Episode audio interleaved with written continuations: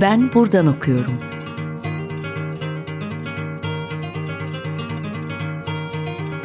Edebiyat ve başka şeyler.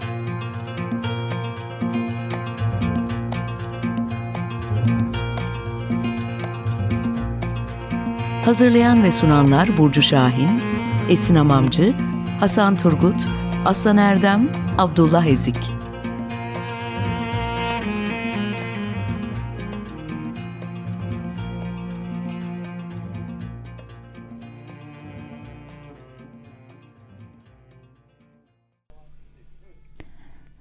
Herkese merhaba. 95.0 Açık Radyo'da Ben Buradan Okuyorum programındasınız. Ben Esin Hamamcı. Bugün Gülçen, Gülçin Tuğba Nurdan'dayız. Ee, Gülçin Tuğba Nurdan, e, ODTÜ Atılım Üniversitesi'nde öğretim görevlisi. Bugün kendisiyle e, postmodern Türk romanında grotesk, e, grotesk üzerine konuşacağız. E, kendisinin doktora çalışması e, Nobel e, evet. kitapından, e, Nobel yayınlarından da kitap olarak çıktı çalışması. E, kitap üzerine ilk sorum şöyle. E, postmodern Türk romanında grotesk e, başlıklı çalışmanızda Türk romanının e, postmodern algıda grotesk kavramını algılayış biçimini tartışıyorsunuz. E, grotesk kavramının tanımı ve sınırları nelerdir diye sorarak programı açayım. Tabii. Ee, öncelikle teşekkür ediyorum bu davetiniz için. Ee, Biz teşekkür ederiz. Yakından takip ettiğim bir programda e, konuşma yapmak benim için oldukça kıymetli e, grotesk çalışmasını yaparken e, doktora tezimdi zaten kendisi de e, çok keyifle çalıştım ve e, her bir e, tanımında ya da örnekleminde daha farklı kapılar açıldı bana o yüzden e, onun üzerine konuşmak da ayrıca bir keyif e, bu fırsatı sağladığınız için teşekkür ediyorum. Kavrama bakacak olursak e, kavram ilk olarak 1480 yılında e, yapılan kazılarda Roma'da ortaya çıkıyor. Haliyle bizim için 15. yüzyıl mağara çizimleri son derece kıymetli bir hal alıyor. Burada yer alan motiflere bakıldığında tam olarak e, tuhaf diyebileceğimiz canlı tasvirleri karşımıza çıkıyor. Haliyle beden algısı yıkılıyor. İnsan, bitki, hayvan gibi tüm canlılar e, tasvirde birleştirilerek e, kullanılıyor, karşımıza çıkıyor. Ki bu durumda aslında birazdan bahsedeceğimiz groteskin temel özelliğini inşa ediyor diyebiliriz. İlk ortaya çıktığında süslemelerde kullanılmakla birlikte zaman içerisinde sanatın bütün dallarına da nüfuz ediyor. E, hatta ilk olarak e, edebi türlerde de tiyatroda aktif bir şekilde rol oynuyor diyebiliriz.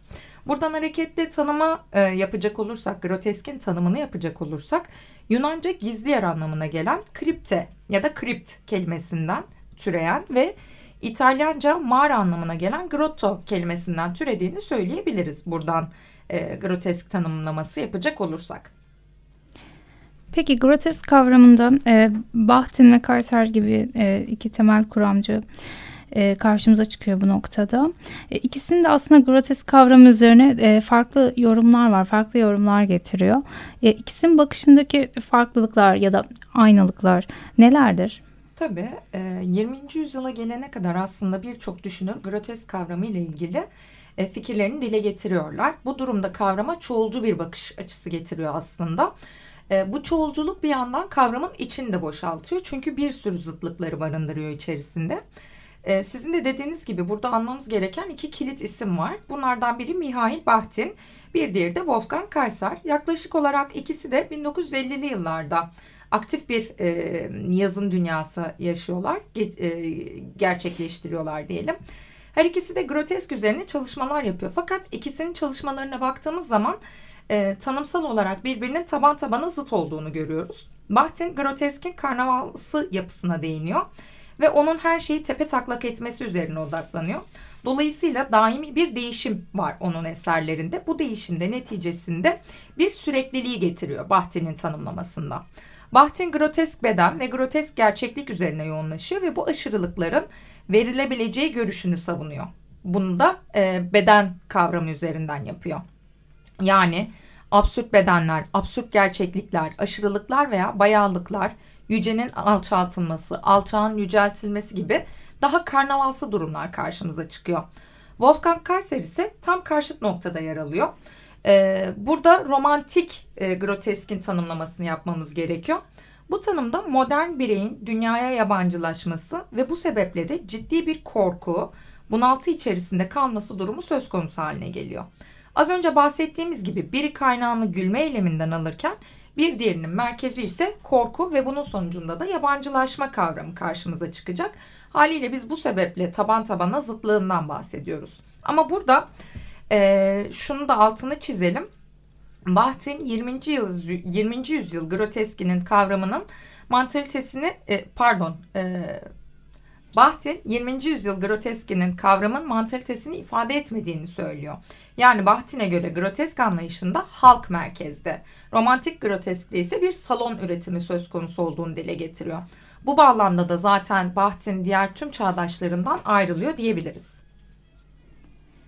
Peki 1980 sonrası e, Türk romanında da e, tüm dünyada olduğu gibi sizin yani sınırı e, kitabınızda da sınırı buradan başlatıyorsunuz aslında postmodern Türk romanından. 1980 sonrasına bakmamız gerekirse Türk romanında da yani tüm dünyada olduğu gibi postmodernizmin e, kendini artık hissettirdiği bir döneme e, kapı açılıyor. Burada yabancılaşmayı grotesk algısıyla romanlarına dahil eden yazarlar groteski sizce nasıl tanımlıyor, nasıl yansıtıyor? Ee, dediğiniz gibi e, bizim için 80 dönemi bir kırılmanın yaşandığı dönem aslında. E, aslında tüm dünyada da belli kırılmalar yaşanıyor. Postmodernite artık hayatımıza giriyor. E, ben bu çalışmada Türk Edebiyatı düzleminde Bahtinci ve Kayserci algıda e, çağımızın gerektirdiği gibi her iki algıda değerlendirmeyi daha uygun buldum. Bu doğrultuda da karşımıza yabancılaşma, grotesk beden, parçalanma yani yıkım, karşıtlık, açıklanamayan durum ve son olarak da çok seslilik ya da çoğulcu yaklaşım gibi kavramlar çıktı. Her iki kuramcıdan yola çıktığımızda. Bu kavramlar hem Bahtinci hem Kayserci algının Türk Edebiyatı'na yansımaları olarak da değerlendirilebilir. Keza karnaval temelli ele alınan çok önemli araştırmalarımız zaten var. Ama e, karnaval temelli aldığımız zaman grotesk tanımı bir noktada özellikle 80 sonrası romanı için yetersiz kalıyordu. Çünkü 80 sonrası romanında karşımıza çıkan yabancılaşma daha farklı bir noktada ele alınıyor. Dolayısıyla o bireyin sıkışmışlığını e, işleyebilmemiz için bizim e, Bahtin'i bir yerde bırakıp Kayseri'de de e, söz hakkı tanımamız gerekiyor diye düşünüyorum. Burada Grotesk algıda dikkatle üzerinde durulması gereken konu tabii ki Kayseri'nin yorumladığı grotesk tanımlamasında yatıyor haliyle.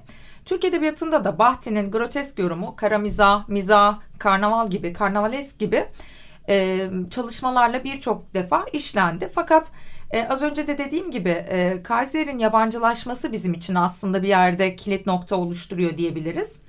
Türk Edebiyatı'ndaki yansımaları da e, dünya edebiyatına benzer bir seyir izliyor bu doğrultuda baktığımız zaman. Bireyin korku temelli kaçışını merkeze alan romanların temelinde ise bireyi yabancılaştırması yatıyor. Bu noktada Türk Edebiyatı yazarlarının verdiği eserlerin değeri de tabii ki yatsınamayacak kadar önemli. Türk Edebiyatı'na oldukça önemli eserler kazandıran bu yazarların grotesk algıyı hem e, başarılı bir şekilde kurguladıkları da karşımıza çıkıyor. Ben çalışmada 14 yazarın 25 eserine yer verdim. E, dilerseniz e, yazarların da isminden bahsedebilirim. Olur, tamamdır. E, kimlere değindiniz, hangi romanlara, hangi eserlere değindiniz? E, Vüsat Bener, Erhan Bener, Adalet Ağoğlu, Bilge Karasu, Tahsin Yücel, Alev Alatlı, Orhan Pamuk, Hasan Ali e, Toptaş, e, Murat Gülsoy, Ali Teoman, Çağna Merkmen, Ayfer Tunç, Mine Söğüt, Cem Akaş gibi isimlerden oluşan bir 14 yazar e, var.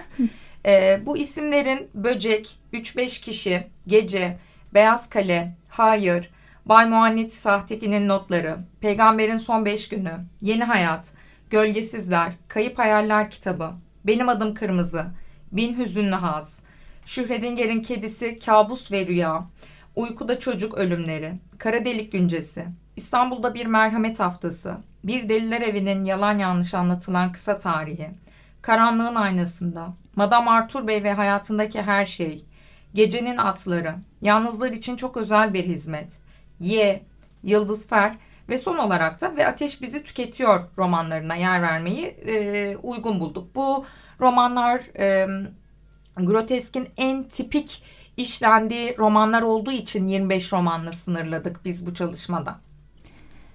Evet metinlere biraz daha ayrıntı bakalım ikinci bölümde. Dilerseniz burada bir ara verelim.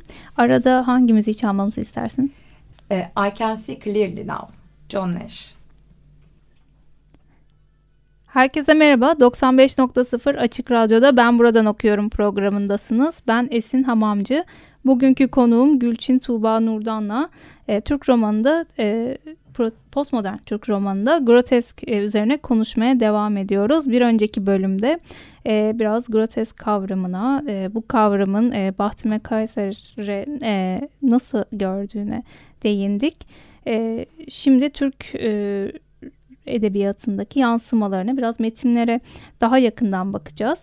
E, Gülçin Hanım siz e, hangi metinlere yer verdiğinizi geçen bölümde tabii e, söylediniz. E, şimdi biraz daha açmak gerekirse e, bu e, eserler arasında nasıl bir e, bağ var ya da yazarlar arasında aynılıklar, farklılıklar nelerdir?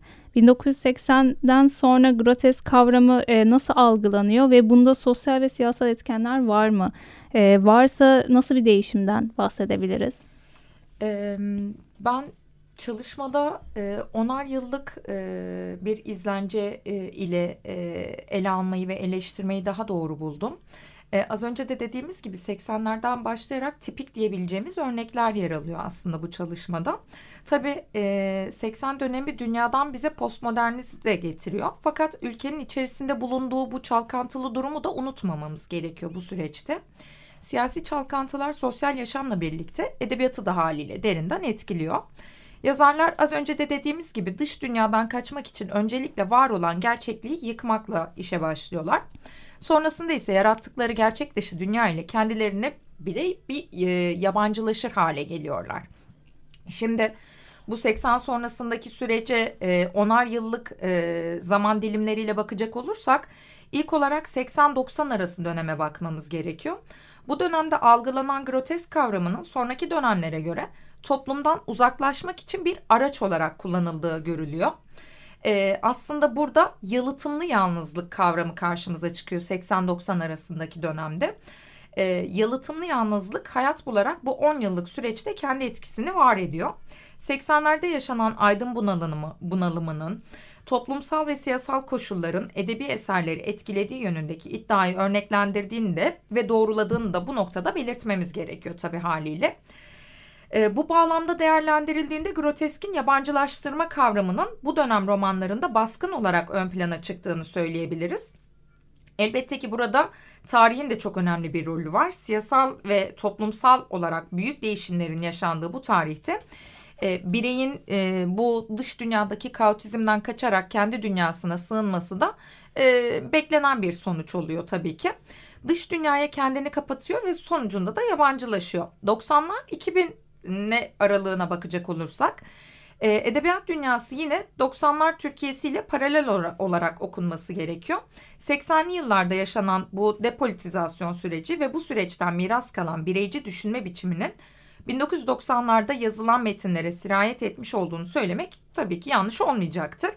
90'lı yılların başında ülkenin gündemine giren postmodernizm, incelenmeye alınan romanların hemen hepsinde karşımıza çıkıyor metinleri okura daha bilindik veya daha tanıdık olarak benimsetebilmek adına epigraf ve alıntı kullanılmış olması, ithaflara sık sık yer verilmesi ve metinlerde yaygın olarak ben anlatıcı kullanımının benimsenmesinden de e, bahsetmek yerinde olacaktır.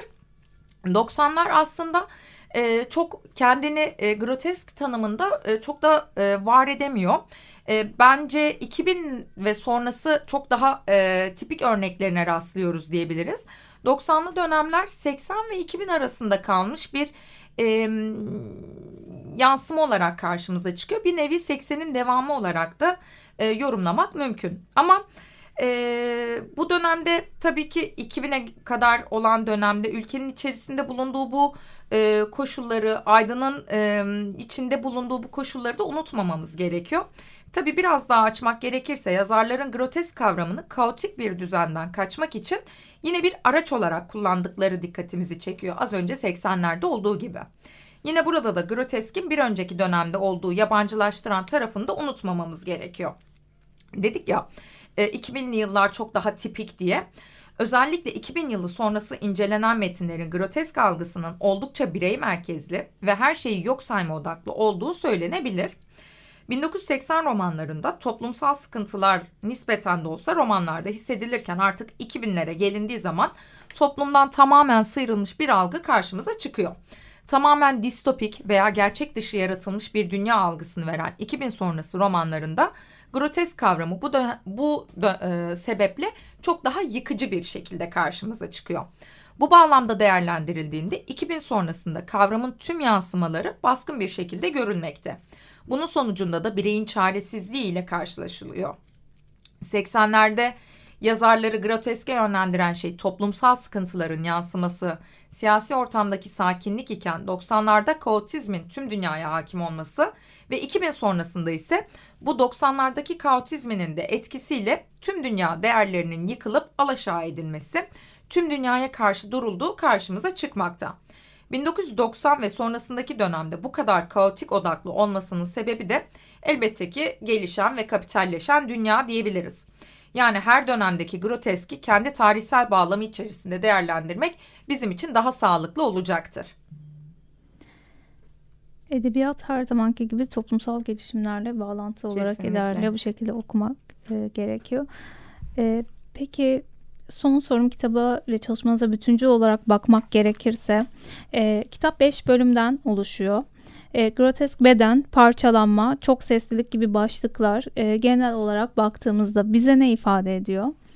Ee, önce şuradan tabii Baht'in tanımına tekrar dönmemiz gerekiyor burada. Ee, Baht'in tanımlarken tuhaf olandan yola çıkıyordu ve e, işte farklı canlıları bir araya getiriyordu. Bu aslında bize grotesk bedeni veriyor ve bu grotesk beden e, parçalanma e, tabii parçalanma da yine grotesk bedenle varlığını e, hissettiriyor. Ya da çok seslilik, çoğulcu bakış açısı yine e, grotesk beden algısıyla farklı farklı seslerin duyulmasıyla karşımıza çıkıyor. E, bu e, beş kavramın sonucunda e, hepsinin birbirini bütünlediği, bir zincir gibi birbirine bağlı olduğu ve sonucunda e, bu e, bütünde e, bireyin kendi kendine yabancılaştığını görüyoruz. Aslında beş kavramdan yabancılaşma bizim için e, hem bir sebep hem de sonuç diyebiliriz bu kavramlar içerisinde. E, ben bu sebeple çalışmada da hep e, yabancılaşmanın üstünde daha fazla durdum. E, çünkü diğerleri e, birer basamak, birer zincirken yabancılaşma hem bir zincir hem de bir sonuç e, mahiyetinde karşımıza çıkıyordu.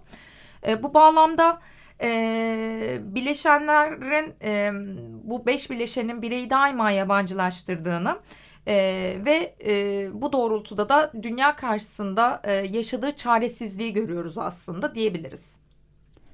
Peki benim e, sorularım bu şekildeydi. Çok teşekkür ederim. Ben teşekkür olduğunuz ederim. için. Grotesk gibi bir e, kavrama e, postmodern Türk romanında e, ayrıntı olarak inceleyip e, bakmış olduk. Çok teşekkür ediyorum Gülçin Hanım. Ben teşekkür ederim bu davetiniz için. Ee, bana kendimi ifade etme fırsatı tanıdığınız için. Ee, dediğim gibi programın başında da dediğim gibi çok keyifle e, takip ettiğim e, çok programlardan biriydi. E, buraya e, burada e, söz hakkı e, sahibi olmak benim için e, gerçekten e, mutluluk verici, keyif verici bir şey. E, çok, tekrar teşekkür ediyorum. Teklifimizi kabul ettiğiniz için biz teşekkür ederiz. E, bugün e, Gülçin Tuğba Nurdan'la postmodern Türk romanında grotesk e, üzerine konuştuk. Bir sonraki bölümde görüşmek üzere. Hoşçakalın.